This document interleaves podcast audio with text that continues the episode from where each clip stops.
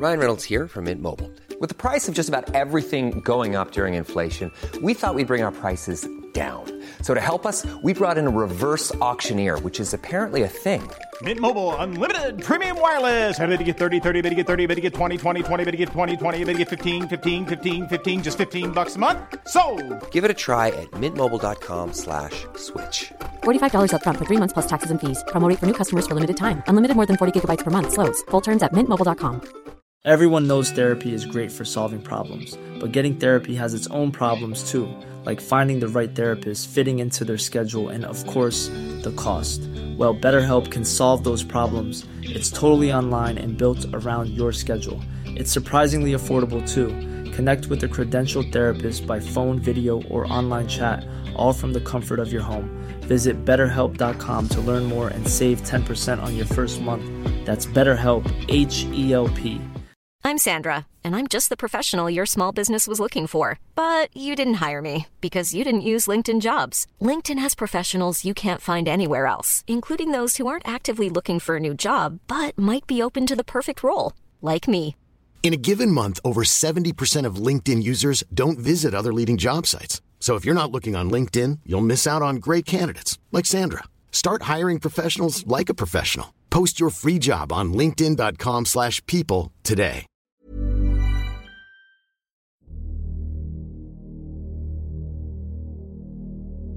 I november 1970 går drapsalarmen ved Bergen politikammer. Turgåere har funnet et mystisk lik i ulendt terreng i Isdalen utenfor Bergen, og politiet drar raskt ut til åstedet. Det etterforskerne ikke vet, er at de er i ferd med å vikle seg inn i en mystisk og gåtefull sak som skal stå uløst til en dag i dag, 53 år senere. Spørsmålet man stilte seg den gang, er det samme som man stiller seg i dag. Hvem var Isdalskvinnen? Dette er det uløste mysteriet jeg skal fortelle dere om i denne episoden.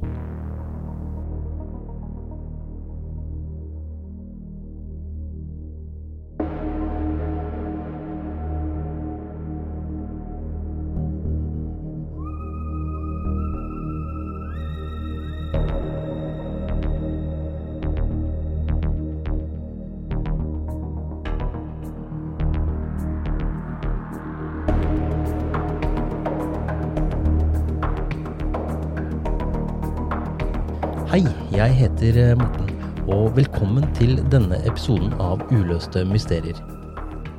Dere som eh, følger meg i sosiale medier, har eh, sikkert fått med dere at jeg hadde et uhell for noen uker siden. Noe som har gjort timer med research og skriving vanskeligere.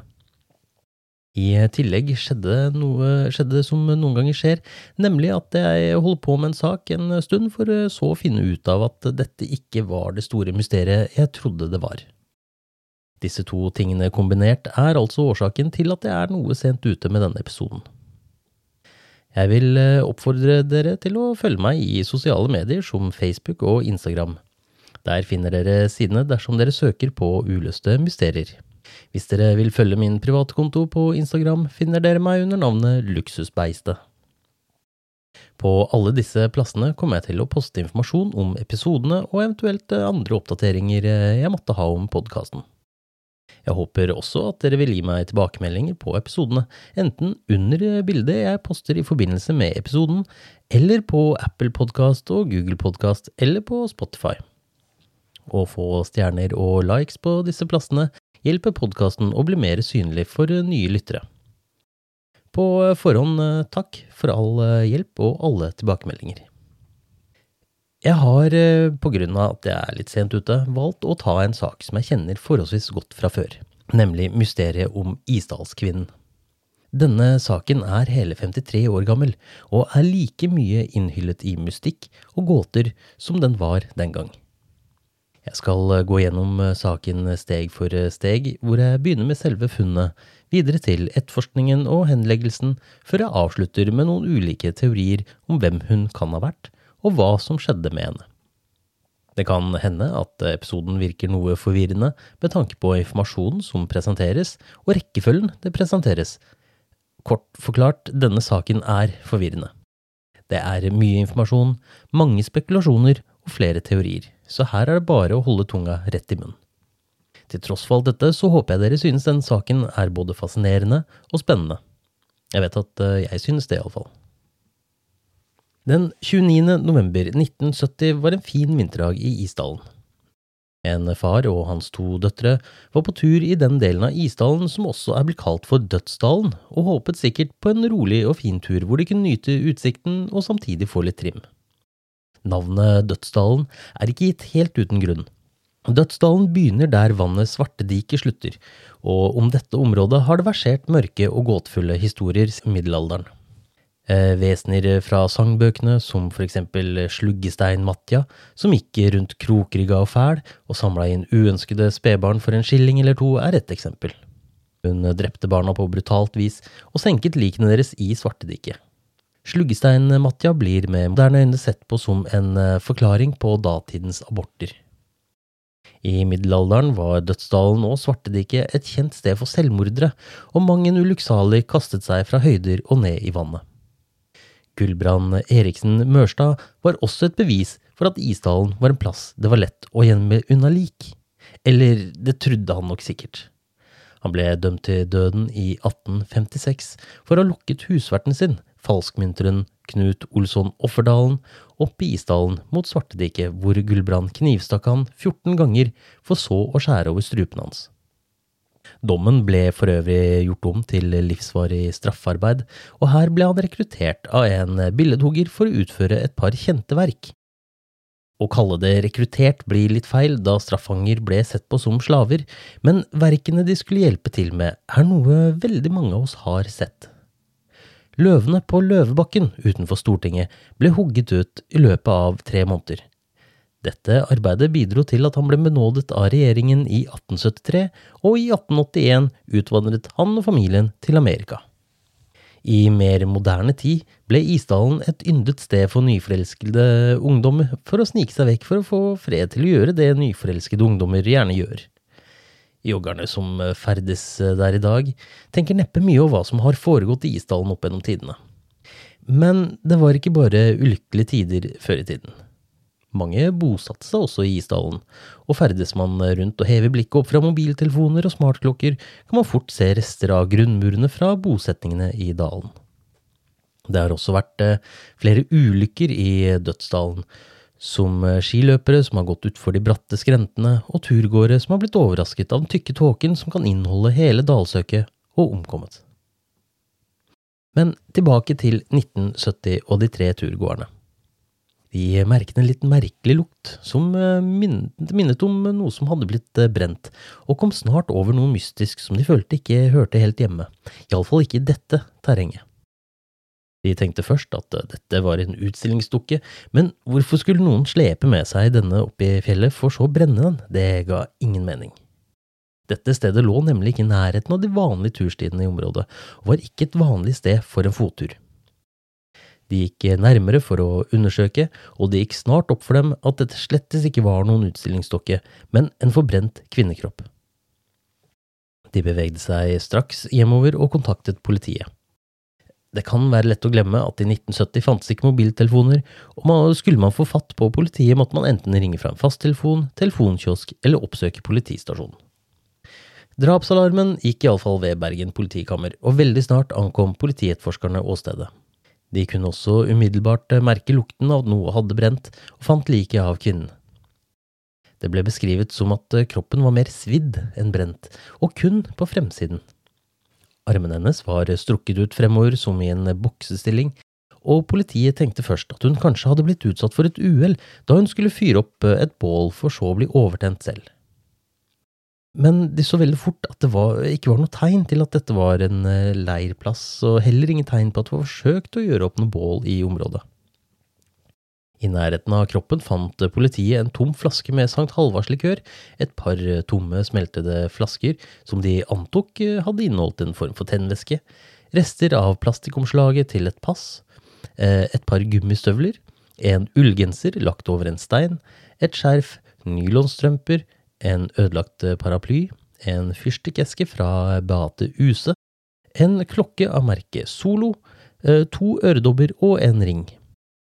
De fant også en delvis smeltet kopp og en skje, noe som kunne tyde på at hun hadde holdt på å varme seg noe å drikke. Rundt kroppen fant de rester av brent papir, og under oppdaget de en pelslue eller noe lignende som hadde rester av bensin på seg, eller det var i hvert fall det de syntes det luktet av den. Kvinnen hadde også på seg en blå boblejakke, et blått turkist sjal eller skjerf, en mørkeblå genser, en mørkeblå bukse, sorte gummistøvler og langt undertøy. Det var eh, ingen merkelapper eller noe annet som kunne identifisere kvinnen eller gjenstandene de fant rundt henne, og i tillegg kunne det nesten virke som om gjenstanden var plassert rundt henne omtrent seremonielt. Alt dette gjorde at politiet allerede på dette tidspunktet begynte å klø seg litt i hodet, og forsto at de sto overfor en sak som ville kreve en god del å etterforske. De ba derfor om bistand fra Kripos, og samtidig sendte ut en melding til forskjellige plasser om å holde øynene åpne etter bagasje som ikke ble hentet.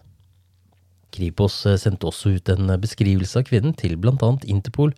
Eh, hun var 25 til 40 år gammel, ca. 1,64 høy, veide 56 kilo, slankt bygg, brune øyne, noe brede hofter, smalt ansikt, små ører og langt mørkt hår festet inn hestehale med blå og hvit hårstrikk. Tre dager etter likfunnet fikk de informasjon om at to kofferter ikke var blitt hentet ved togstasjonen i Bergen. Politiet hentet eh, disse ut og gikk gjennom innholdet. De fant eh, blant annet et par briller som hadde et fingeravtrykk på glasset. Disse avtrykkene klarte de å matche med kvinnen som var funnet i isdalen, og det levnet derfor ingen tvil om at de hadde funnet riktig bagasje. Håpet steg om at de endelig skulle få identiteten til den avdøde og mystiske kvinnen. Slik gikk det ikke, for å si det mildt. Innholdet i disse koffertene skulle få etterforskerne til nok en gang å klø seg i hodet om, og om mysteriet rundt denne kvinnen økte. De fant det man for så vidt forventet å finne i en koffert, som klær, sko, sminkesaker, noen kart, tog og busstabeller, eh, et blankt postkort, en reseptbelagt krem mot eksem av typen Betnovat, nevnte briller og et par solbriller, samt kosmetikkprodukter, et par handleposer og en notatblokk. Navnet på brukeren, eh, legen og datoen på den reseptbelagte kremen var omhyggelig fjernet, og kremen i seg selv var en svært vanlig hudsalve i 1970. Svaneapoteket, som solgte kremen, kunne opplyse om at de solgte minst 20 tuber daglig, noe som gjorde det umulig for både farmasøyter og ekspederingspersonale å huske enkeltkundene. Av en eller annen grunn ga politiet opp tubesporet. Tuben ble ikke undersøkt nærmere i et laboratorium, og man vet derfor ikke om denne kunne inneholdt verdifulle spor, eller om navnet på reseptetiketten på noen måte kunne la seg gjenskape. I tillegg fant de valuta fra flere land, annet norske kroner, britiske pund, sveitsiske frank og belgiske frank. Sydd inn i linningen til den ene kofferten fant de i tillegg 500 tyske mark. De fant også eh, flere parykker i forskjellige farger og fasonger, og for å toppe det hele var samtlige merkelapper på alle klær fjernet. Utenom de brente restene av passet funnet ved åstedet, var det ingen verdens ting som kunne hjelpe etterforskerne å identifisere kvinnen. Det virket eh, som hun selv eller eh, noen andre var ute etter å holde hennes identitet skjult. Men det var et par ting som kunne gi etterforskerne noen hint om hvor de skulle begynne å lete, nemlig notatene i notatblokken. Men først og fremst en handlepose fra Oskar Rørtvedts skoforretning i Stavanger, nå Oskar Rørtvedt eh, Skoringen. Etterforskerne reiste til Stavanger og snakket med sønnen til butikkeieren, som kunne fortelle at eh, jo da, han husket kvinnen, hun hadde vært innom tre uker tidligere for å kjøpe et par støvler, og endte opp med å kjøpe et par fra Askim gummivarefabrikk. Jeg er litt usikker på hvilke modeller det kan være, men et raskt Google-søk viste at det kunne være de blå gummistøvlene med hvit kant rundt sålen og en hvit kant helt øverst. Disse var visstnok veldig, veldig populære på 70-tallet. Han husket også at hun var rolig og hadde et avslappet uttrykk. Han eh, bekreftet at i tillegg til det som han allerede mistenkte, nemlig at hun var eh, utenlandsk. Han husket også at hun pratet engelsk med en slags aksent, som om dette ikke var hennes førstespråk, og at han syntes at hun luktet eh, noe rart, som skulle vise seg senere å være hvitløk. Han kunne også bekrefte at, passet, at hun passet til beskrivelsen Kripos hadde sendt til Interpol, tidligere. Politiet fant ut at de trengte flere spor, og slapp informasjon om eh, saken til media, som kastet seg over materialet som sultne ulver. Politiet hadde funnet ut at hun sist var sett i live den 23. november, da hun sjekket ut fra rom 407 på Hordeheimen hotell. Hun betalte oppholdet med kontanter og bestilte en taxi. Etter dette visste ikke politiet lenger hvor hun hadde reist, men politiet antar at hun ble kjørt til jernbanestasjonen da kofferten hennes ble funnet her. Hvorvidt eh, taxisjåføren kjørte henne videre inn i isdalen, det vet man derimot ikke, for han er aldri funnet. Resepsjonsvakten eh, på hotellet, Erik Høyheim, fulgte kvinnen ut i drosjen som, som han hadde bestilt for å forsikre seg om at eh, ingen andre tok den, eh, og så, så at hun havnet i denne drosjen, det er det ingen tvil om.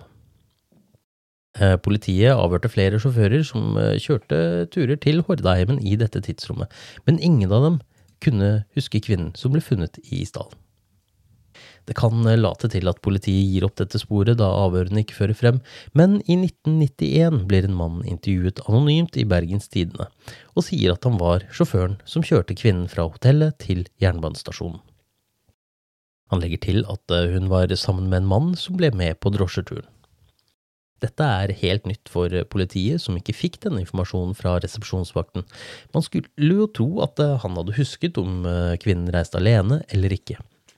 Men til tross for at eh, politiet ser på saken på nytt, kommer de ingen vei. Men jeg nevnte tidligere at politiet også fant en notatblokk.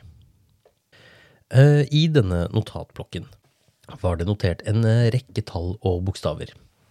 Dette var skrevet på en slik måte at det virket mer eller mindre som om det var eh, hemmelige koder, med andre ord opplysninger hun ikke ville at eh, hvem som helst skulle se eller forstå. Dette skapte på nytt hodebry for etterforskerne, som nå for alvor må ha lurt på hva i alle dager de hadde kommet opp i. Notatblokken med kodene ble sendt til Kripos for analyse, og kodeknekkerne klarte etter hvert å komme med det de mente måtte være en løsning. De mente at tallene og bokstavene var initialer og datoer for steder kvinnen hadde besøkt på ulike tidspunkter. For eksempel sto det 20 M, eh, mellomrom 23 M, O, som betydde 20. til 23. mars Oslo, eller 24 M, mellomrom 31 M, B, som da betydde 24. til 31. mars Bergen. Men så er det noe rart man kan legge merke til. På andre tidspunkter har hun notert det som for eksempel O22, O28P, som da skal bety 22. Eh, til 28. oktober Paris. Så har hun skrevet måneden før dagen, altså oktober 22, mens der hvor, hun, eh, hvor de mener hun er i Norge, har hun skrevet 22M, altså 22. mars. Hvorfor endret hun på datoformatet i kodene sine? Dette er en forholdsvis usikker måte å eh, desifere koder på, da eksempel M kan stå for mars, mai, eller til og med Wednesday hvis hun skulle være ekstra kreativ og hemmelighetsfull. P kan stå for Paris, eller kan stå for Portsmouth, Porsgrunn eller Polen. Man kan rett og slett ikke si sikkert. Men jeg skal komme litt tilbake til hvorfor politiet mener dette må være løsningen på kodene. Um, på slutten av notatblokken hadde du notert 10M, og neste setning ML23 NMM. Dette er et avsnitt som man fremdeles er usikker på hva kan bety. Noen mener at 23N står for 23. november, og ML kan visstnok bety Mane Lunae, altså mandag morgen.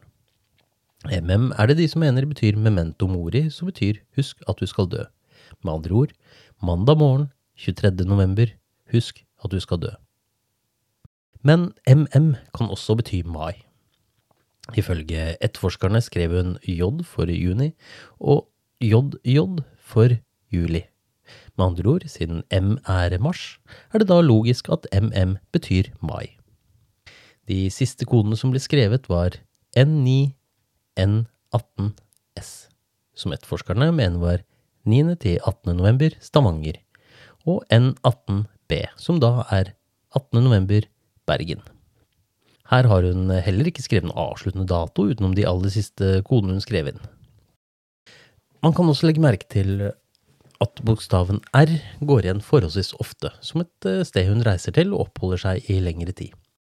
Det kan bety at hun bodde i en by som begynner med bokstaven R.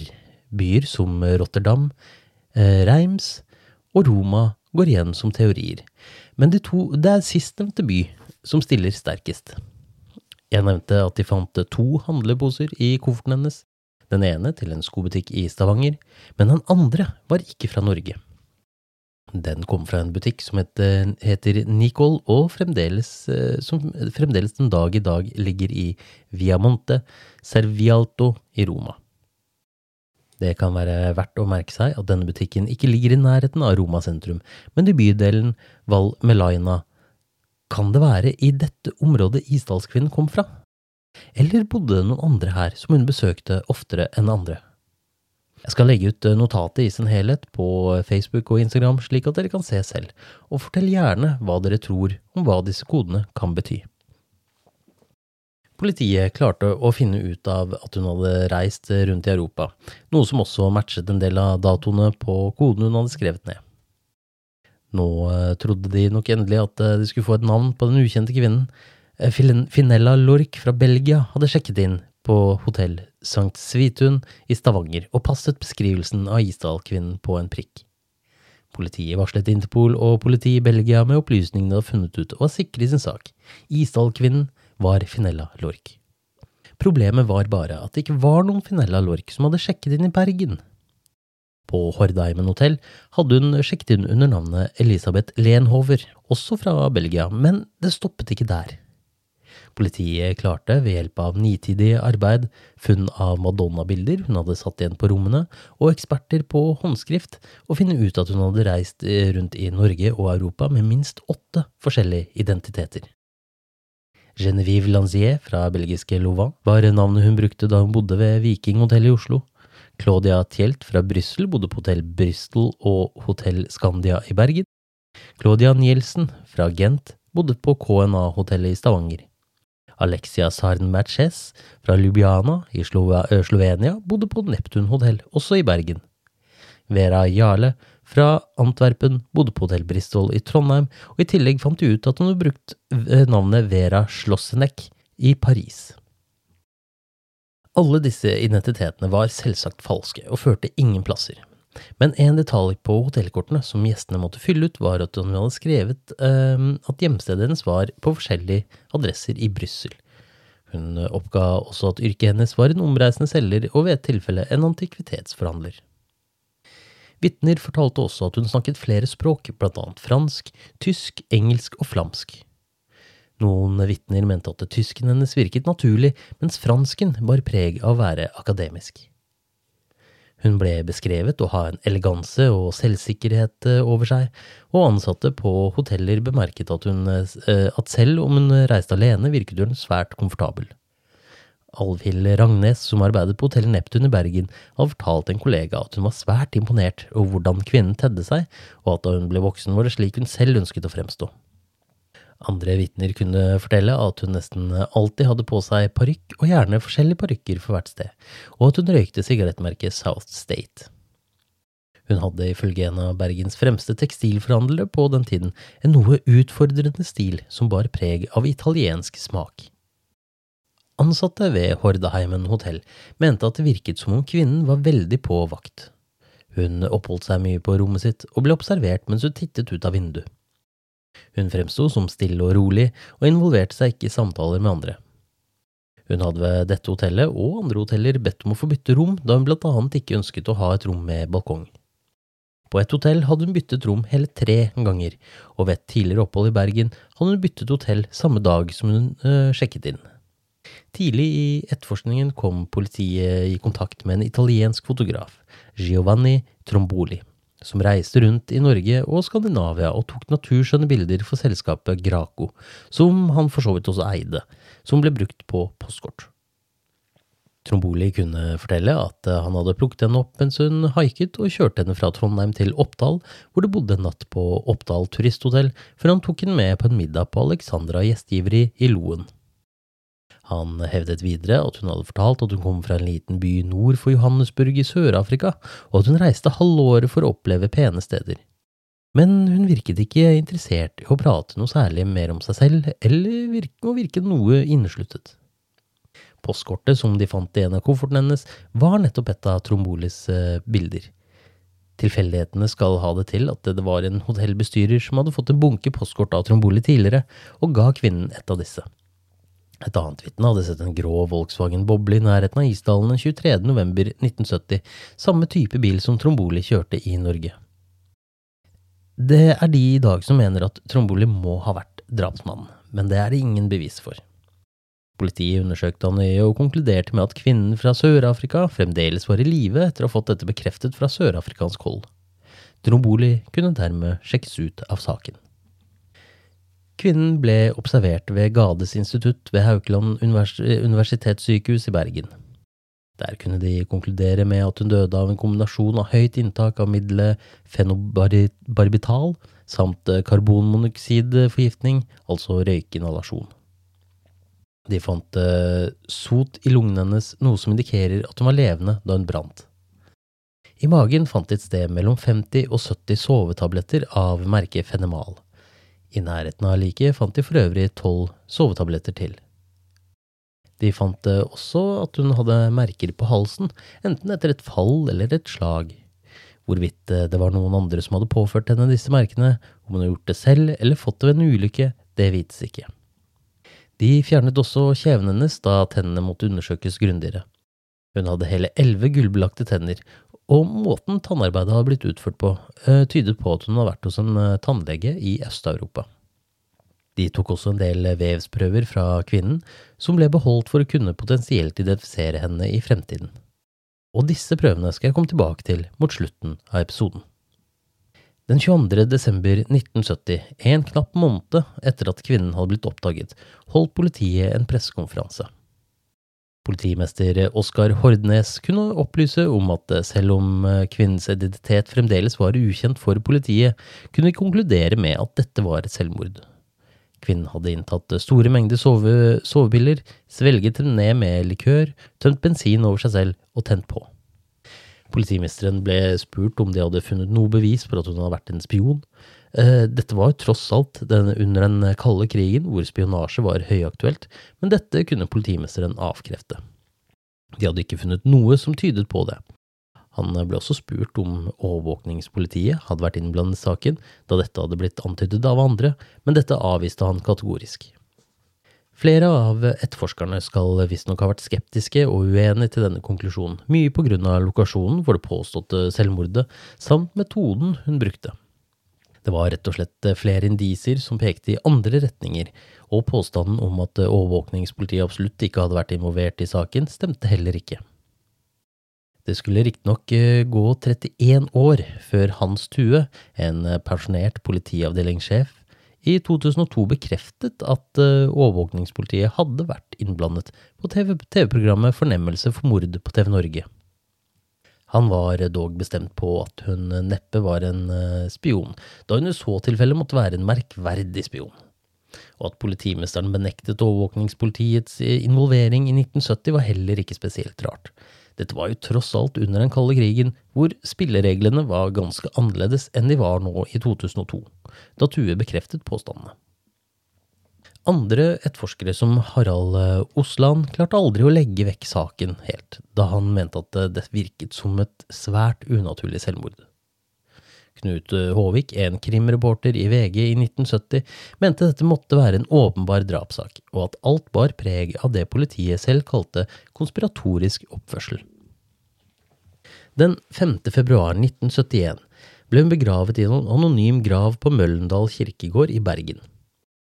Seremonien var katolsk, da de antok at hun var katolikk, siden hun hadde brukt helgennavn på noen av identitetene sine og satt igjen madonnabilder på enkelte av plassene hun hadde bodd.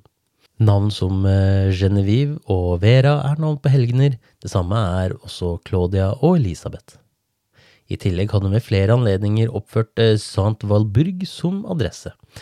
Dette er riktignok faktiske gater i Brussel og eh, Leuven, men også en henvisning til Sankt Valpurga, eller Valburga.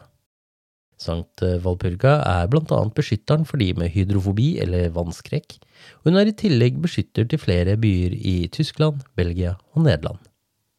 Hvorfor dette kan være relevant, skal jeg komme tilbake til når jeg skal gå gjennom resultatet i DNA-analysene. Hun ble begravet i en sinkkiste for å bevare kroppen hennes så lenge som mulig. Det ble også tatt bilder av seremonien, i tilfelle etterlatte en gang i fremtiden tar kontakt. Etterforskerne av saken var de eneste som deltok i begravelsen.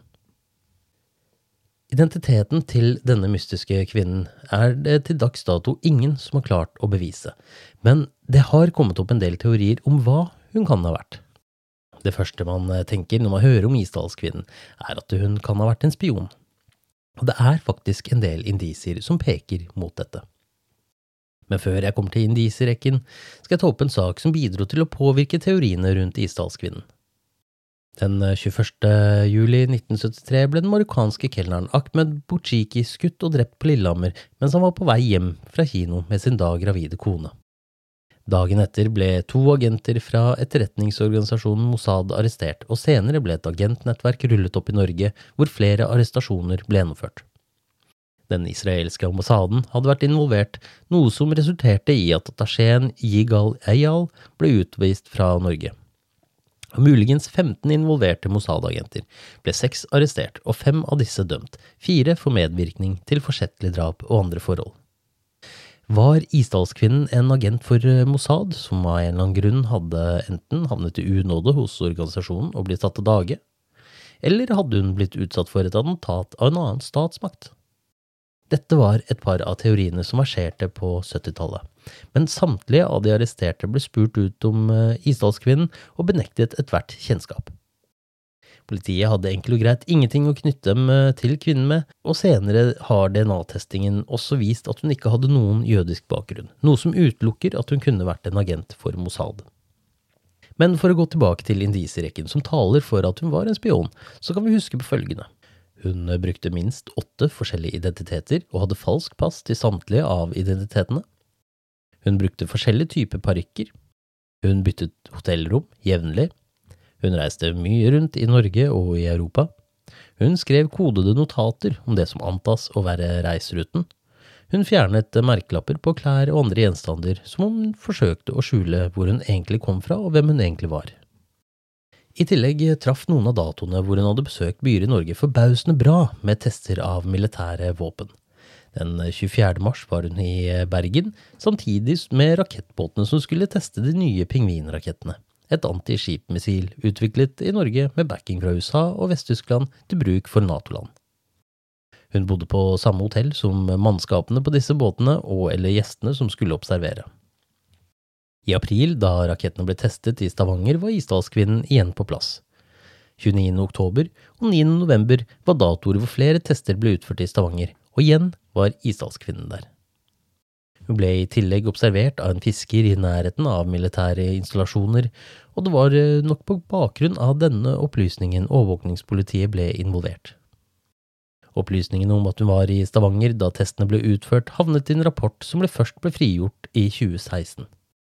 Hun hadde blitt eh, observert av Alvhild Rangnes på hotellet Neptun, og da satt hun som regel på bord i nærheten av tyske offiserer fra Bundesmarine. Riktignok eh, ble hun aldri observert i kontakt med disse offiserene, men eh, hun hadde blitt sett på et hotell hvor hun hadde pratet med en mann på tysk. Politiet fikk også eh, tips om at en av sjefene i KGB hadde ankommet flyplassen i Værnes like utenfor Trondheim bare ti minutter etter at Isdalskvinnen hadde landet. KGB-sjefen hadde returnert til Russland samme dag, bare få timer etter ankomst. Opplysninger som kom frem i den fristilte rapporten i 2016, forteller derimot at det dreide seg om to KGB-agenter, Janardi Fedorovitsj Popov og Aleksandr Nikolavitsj Rubanov, som reiste videre til Sandnessjøen. Ifølge overvåkningspolitiet, som hadde de under oppsyn, hadde de ingen kontakt med noen andre. Men det er viden kjent at Sovjetunionen og KGB hadde aktivt personell i Norge som kunne spionere til fordel for russerne, og med det i bakhodet er det ikke utenkelig at hun kan ha vært en kurerer som fraktet opplysninger innad i et spionnettverk i Europa. Som eh, nevnt ville hun nok vært en merkverdig spion, særlig med tanke på eh, at hun gjorde en del enkle feil i registreringsskjemaene hun fylte ut på hoteller, som for eksempel å bruke gatenavn som ikke eksisterte, og sjonglerte mellom flere identiteter. En trent eh, agent ville neppe gjort slike småfeil, og ville høyst sannsynlig aldri brukt så mange identiteter som Isdalskvinnen brukte. Under den kalde krigen brukte spioner så få dekkidentiteter som mulig, slik at disse kunne bli nærmest vanntette. På den måten var spionen, ident eh, spionen identiteten, og identiteten var spionen. Men for en kurerer som reiste rundt i Europa på en tid hvor sikkerheten rundt flyreiser ikke var i nærheten av hva det er i dag, kunne nok flere identiteter være en fordel. Men igjen er det noe som taler imot denne teorien, nemlig hvordan hun døde. En fremmed stat hadde neppe bedøvet henne med sovepiller hvis du skulle ta henne dage, og hvis giftmord var eh, fremgangsmåten, hadde hun nok benyttet seg av noe mer dødeligere substans, som for eksempel cyanid, risin eller arsenikk. Parykkene hun hadde, kan selvsagt tyde på at den var involvert i spionvirksomhet, men la oss ikke glemme tuben med krem mot eksem som ble funnet i kofferten hennes. Kan hun ha hatt en type atopisk eksem i hodebunnen som hun ønsket å skjule av rene estetiske årsaker? Hun fremsto som en elegant kvinne, og man kan jo anta at eksem i hodebunnen kunne være noe hun følte var sjenerende. Men parykkene kan eh, også lede oss over til neste teori som er blitt fremsatt, nemlig at hun var involvert i noe kriminelt, for eksempel smugling. Det kan i så fall forklare reiseruten hennes, hennes behov for å skjule sin identitet og hennes noe paranoide oppførsel. Kriminelle har benyttet seg av kurerer på denne måten både på 70-tallet og helt frem til i vår tid. Politimesteren i Bergen i 1976, Asbjørn Bryn, mente at hun kunne være med i en sjekksvindlerliga. dette kunne forklare reiserutene, pausene mellom reisene, samt alle identitetene hun hadde. I 1971, ca. et halvt år etter funnet av Isdalskvinnen, ble Interpol informert om en sjekksvindlerliga som opererte i Skandinavia, og i 1972 ble fire arrestert i Norge, to i Bergen og to i Oslo. Alle fire internasjonale aktører. Jeg skal ikke gå så mye inn på saken, men spesielt én detalj er viktig å ta med seg. De dømte mente de fikk sjekkene av en mann ved navn Albert i Roma. Dette var en mann de var livredde for. Og hvis vi husker destinasjonen eh, som Isdalskvinnen stort sett returnerte til med bokstaven R, så var jo Roma en av de byene man antok hun bodde i. På 1970-tallet var mafiaen tungt involvert i blant annet denne type kriminelle aktiviteter. En ting til som man kan fundere på, er at den italienske fotografen som ble sjekket ut av saken, visstnok skal ha hatt tilknytninger til mafiaen i Italia. Smuglet Isdalskvinnen noe for kriminelle bakmenn? Var hun involvert i sjekksvindler på oppdrag fra italiensk mafia? Ble hun tatt av dage da hun ikke lenger ønsket å gjøre dette mer? Noe som taler imot dette, er lokasjonen hun ble funnet på. Kriminelle hadde nok ikke brydd seg med å ta henne med opp i fjellene, for så å sette fyr på henne der. Og en annen ting som taler imot, er at de neppe hadde tvunget i henne mellom 50 og 70 sovepiller og ei, heller, og ei flaske med likør før de brant henne levende. Alt virker bare unødvendig tungvint, selv for mafiaen. En annen teori som eh, til dels er utviklet fra den forrige teorien, er at hun var en sexarbeider. Dette kan forklare reiseruten, og at den stort sett eh, endte opp eh, på samme sted, altså punkt R i kodenotatet. Dette kan også forklare hennes ønske om å være anonym, oppførselen hennes på hoteller, og hun hadde for øvrig visstnok satt merker på dørene på forskjellige måter, men dette har jeg ikke klart å få bekrefte annet enn på Wikipedia. Hun hadde også blitt observert med flere menn, noe som kan forklare hvorfor disse ikke ønsket å stå frem i ettertid, og det kan forklare hvorfor hun ble funnet på, hun ble funnet på et såpass avsideliggende sted. I tillegg var fyrstikkesken de fant fra Beate Use, en tysk sexbutikk. Men det er lite annet som tilsier at hun var en prostituert, iallfall om vi ser på eiendelene man fant i kofferten hennes. I tillegg hadde hun ikke med seg noen på rommene, og ble stort sett observert alene. Man har også helgennavnet og madonna-bildene som hun satt igjen, noe som tyder på at hun antagelig var religiøs, til tross for at de ikke fant noen religiøse symboler som for eksempel et kors eller en bibel blant eiendelene hennes. Og selv om Beate Use ble sett på som en sexbutikk, må hun huske at de også solgte undertøy og den slags. Fyrstikkesken kan like gjerne ha blitt kjøpt sammen med undertøy uten å ha noe med sexarbeid å gjøre. Ulykkesteorien er også noe som er verdt å nevne. Først må vi se på pillen hun hadde, Fenemal. Ja, det er en sovemedisin, men de ble også brukt mot angst, da de har en beroligende effekt. Det er også et middel som ble brukt til å behandle epilepsi og anfall. Rommene til Isdalskvinnen var gjerne noe ommøblert, slik at det var mye plass på gulvene. Kan dette ha vært for, for at hun ikke skulle slå seg på møblementet dersom hun fikk et anfall? Dette kan øh, også forklare blåmerket på nakken hennes, samt hvorfor hun stort sett holdt seg på rommene sine. Før anfallene kan enkelte føle en slags smak eller lukt, noe som gjør at de kjenner igjen symptomene, og noen kan avverge anfall ved å lukte på sterke lukter som eksempel en rose eller hvitløk. Og husker dere sønnen til øh, skobutikkeieren i Stavanger? Han mente at Isdalskvinnen luktet sterkt av hvitløk. Hvis vi ser for oss at Kvinnen merket et anfall oppe i fjellene i isdalen, og fikk panikk. Hun var jo tross alt eh, langt unna folk, så hun tar først et par piller med fenemal. Disse hjelper ikke, og hun tar flere og flere. Jeg nevnte helt i begynnelsen at noen nettforskere trodde instinktivt at dette var et uhell ut fra hvordan åstedet så ut, de hadde sett noe brød og kjeks ligge ute, en kopp med vann og en skje var satt frem. Det kan tenkes at hun rett og slett hadde tatt en pause, fant frem mat og drikke og kjente et anfall var på vei, fikk panikk og slukte alle pillene hun hadde med seg. Jeg nevnte eksemkremen eh, ved et par tilfeller. Det som er interessant å vite der, er at en rapport fra 2018 om bruk av slik krem påviste at kremer trekker inn i tekstiler over tid.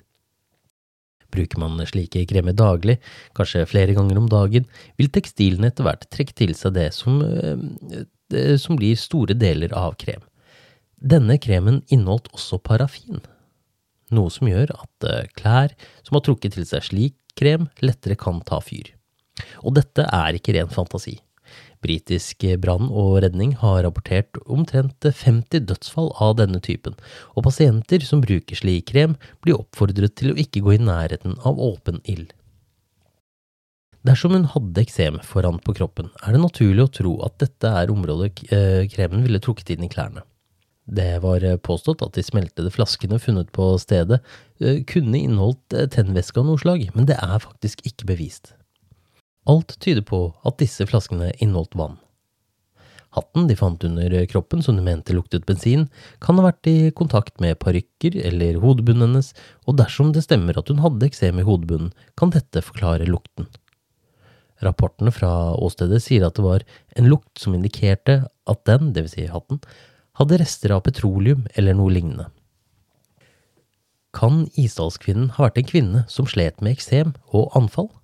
Som flyttet møbler på rommene sine for ikke skade seg på dem dersom uhellet var ute, som hadde med seg hvitløk for å avverge avfallene, men som fremdeles ikke ville la dette hindre henne i å finne noe glede i livet, og dermed reiste så mye, øh, reiste så mye som hun orket.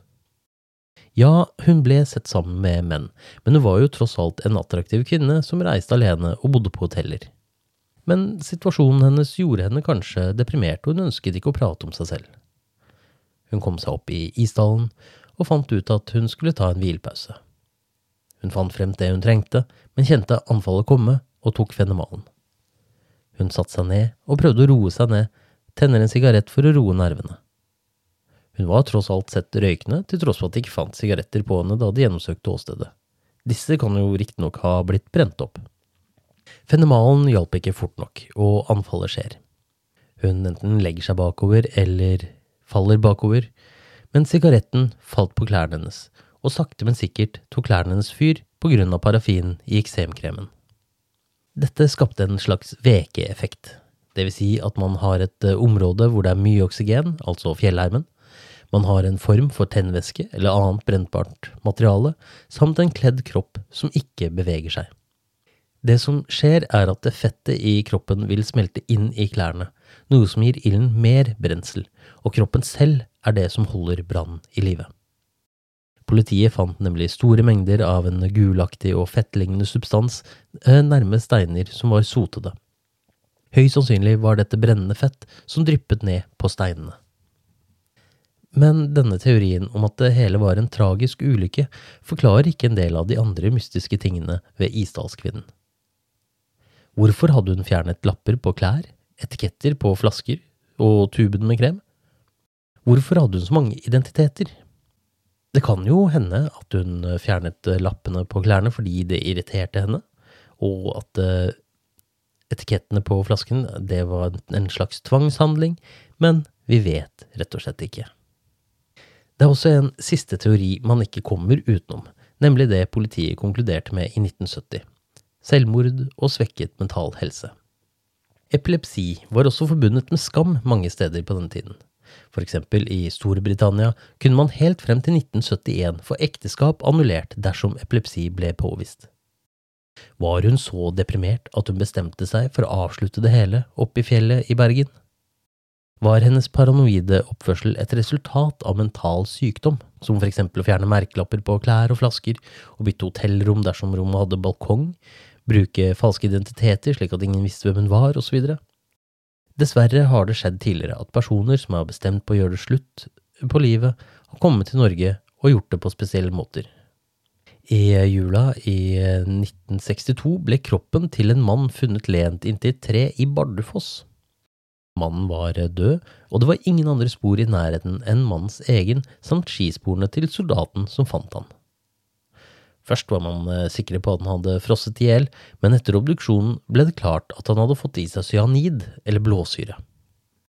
I dette tilfellet fant de både pass og visum eh, utstedt til Adnan Salim Malou, eh, en libaneser født i Beirut i 1933. Han hadde kommet til Oslo dagen i forveien og fløyt rett til Bardufoss. En libaneser på Bardufoss vekket kanskje noe oppsikt, så han fortalte velvillig at han skulle besøke en venn i Tromsø. Blant eiendelene til mannen fant de et kart som var merket med et kryss på nøyaktig det stedet han ble funnet, og i lommen på jakken hans fant de lykt med rødt og grønt lys. Man begynte å fundere på om mannen var en spion, i og med at området hadde, øh, hadde og fremdeles har høy militær aktivitet. Politiet fant øh, etter hvert en lege i Oslo som hadde kjent mannen og fortalte at han led av bipolar lidelse. Av til Tromsø og på gravstedet hans står det tragedie eller mysterium. Det ble konkludert med at Malouf begikk selvmord, om på en noe dramatisk måte. 14. juli 1966 kommer to barn over en kvinne på øya Leka i Nord-Trøndelag. Kvinnen sitter, eh, halvt sitter og halvt ligger under en bergnabb med ansiktet vendt ut mot havet. Hun viste ingen tegn til bevegelse og reagerte ikke på barna som tittet på henne. Lensmannen ble varslet, og politiet ankom åstedet. De fant ut at hun hadde fjernet alle merkelapper på klærne sine. Disse merkene hadde hun så kastet på et bål ved siden av henne, og i tillegg, i bålet, så fant de rester av kvinnens identifikasjonspapirer, bilder og et kart. De finner også flere sovetabletter ved siden av henne, og politiet konkluderer med at dette var et selvmord, uten å ta obduksjon. Hun hadde bodd på en rekke pensjonater og hoteller i Trøndelag med tre–fire identiteter, men på ett hotell i Trondheim hadde hun tilsynelatende brukt sitt, e sitt ekte pass.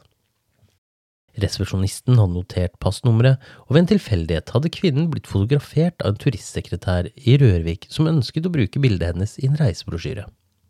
Passnummer og bilde blir sendt til Nederland, hvor passet var utstedt, og snart får de vite at kvinnen er 93 år gamle Galina Bredemeier fra Amsterdam, hvor hun har en ektemann som venter. Ektemannen kunne fortelle at Galina hadde slitt med store psykiske problemer. Hun hadde forlatt hjemmet en måned tidligere og etterlatt seg et brev hvor hun skrev at hun ikke ønsket å bli begravet i Nederland. Kartet som ble funnet i bålet, hadde et stort rødt kryss over Leka, der hun ble funnet. Hvorfor hun valgte akkurat dette stedet, vet man aldri. Hun ble begravet i Namsos, og ble aldri flyttet til Nederland. 19.9.1976 kommer to turgåere over et lik i fjellene i Bodømarka. Kroppen var bare slett igjen, og hadde nok ligget en stund. Kroppen hadde tre lag med bukser på seg, og man kunne se en liten tust med kullsvart hår, noe som fikk etterforskerne til å tro at personen kunne vært, være av asiatisk opprinnelse. Plassen personen ble funnet hadde en fantastisk utsikt, både mot byen og mot havet, men også mot viktige militæranlegg. Politiet finner ut at uh, dette var en mann, og at alle identitetsmerkene på klærne hans er borte. Han har ikke noe identitetspapirer, kun en togbillett fra Stockholm, men denne er også uten navn. Avisene kaster seg derfor over spekulasjonen om at mannen var en spion. Det er ingen som, savner, eh, som passer i savnetregistrene til politiet, så de er sikre på at dette er en utlending. Tennene er intakte og sendes til analyser internasjonalt, men i mellomtiden spekuleres det både i nasjonalitet og om dette var en spion som var ilandsatt av en ubåt utenfor Bodø.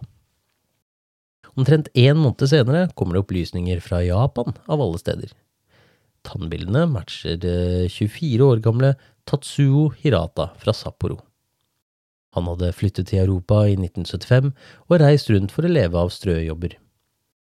Siste stedet han blir observert, er i Stockholm 24. juni 1975, før han blir oppdaget på fjelltoppen utenfor Bodø ett år senere. Hvorfor han valgte akkurat dette stedet, eller hva som tok livet av han, er fremdeles ukjent, men han ble i det minste identifisert. Så helt på tampen et par uløste mysterier til. 1. august 1971 ble en mann overkjørt av nattoget på Nordlandsbanen ved Majavatn. Liket ble funnet uten hode og uten identifikasjonspapirer eller merker på klærne. Etter tre år klarte politiet å identifisere mannen ved hjelp av fingeravtrykk. De tilhørte 27 år gamle Andris Berzins fra Würzburg i Tyskland. Han hadde fortalt at han skulle på ferie til Belgia og Frankrike, så hva han gjorde på Nordlandsbanen midt på natten, er det ingen som vet. Den 14. august 1966 ble liket av en mann funnet på Borre i Vestfold, hvor jeg bor tilfeldigvis. Mannen hadde en eh, lommebok med 1100 svenske kroner, men ingen ID. Det eneste sporet var en regning fra et hotell på Island utstedt til Anders Karlsson fra Jönköping i Sverige. Fingeravtrykkene viste derimot at personen var 18 år gamle Tommy Platt fra Sevsjø i Sverige. Faren hans bodde på Borre, og det er dermed sannsynlig at han skulle besøke sin far. Dødsårsaken er ukjent, og hvorfor han brukte falskt navn er fremdeles et mysterium. Kan det være slik at Isdalskvinnen kom til Norge med det æren å ta sitt eget liv? Betydde den siste koden i notatblokken hennes mandag morgen 23. november husk at du skal dø? I så fall gjør det historien om Isdalskvinnen desto tristere, da hun i så tilfelle hadde planlagt sin egen død ni måneder før hun ble funnet i Isdalen. Kanskje hun reiste gjennom Europa og brukte pengene, penger hun uansett ikke kom til å trenge. Kanskje hun ønsket å skåne familien sin fra stigmata rundt et selvmord i katolsk tro, og derfor ble hun Claudia Tielt, Genevieve Lancier, Elisabeth Lenhover med flere. Kanskje var planen hennes å sette fyr på seg selv, eller kanskje var det et uhell som skjedde til tross for at hun ønsket å dø. Det har skjedd eh, en god del fremgang de siste 50 årene når det gjelder rett, rettsmedisinsk etterforskning, og jeg har eh, nevnt DNA-prøvene som har blitt sendt inn i moderne tid. Prøvene viste at hun høyst sannsynligvis hadde europeisk bakgrunn, og hadde foreldre fra Europa.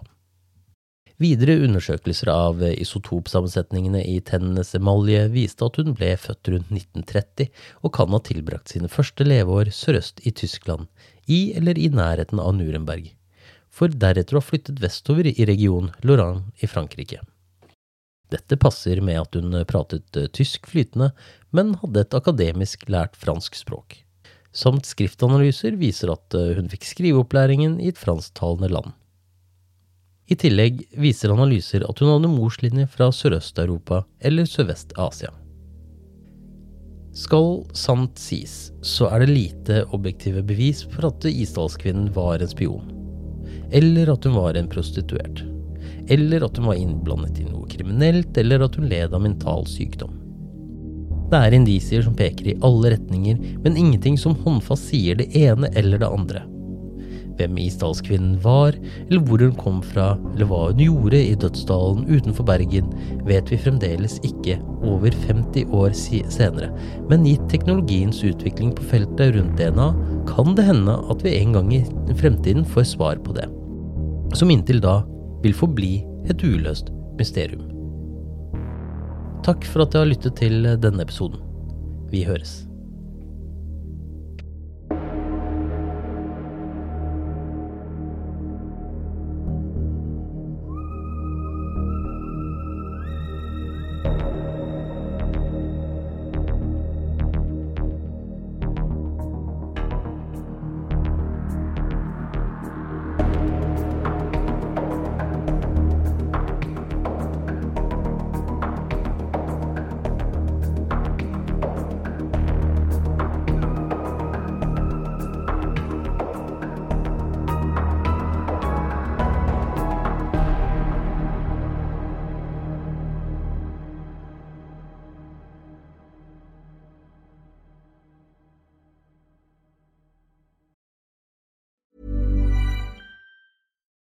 We're on a budget, we still deserve nice things.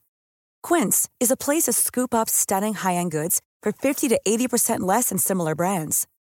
They have buttery soft cashmere sweaters starting at $50, luxurious Italian leather bags, and so much more.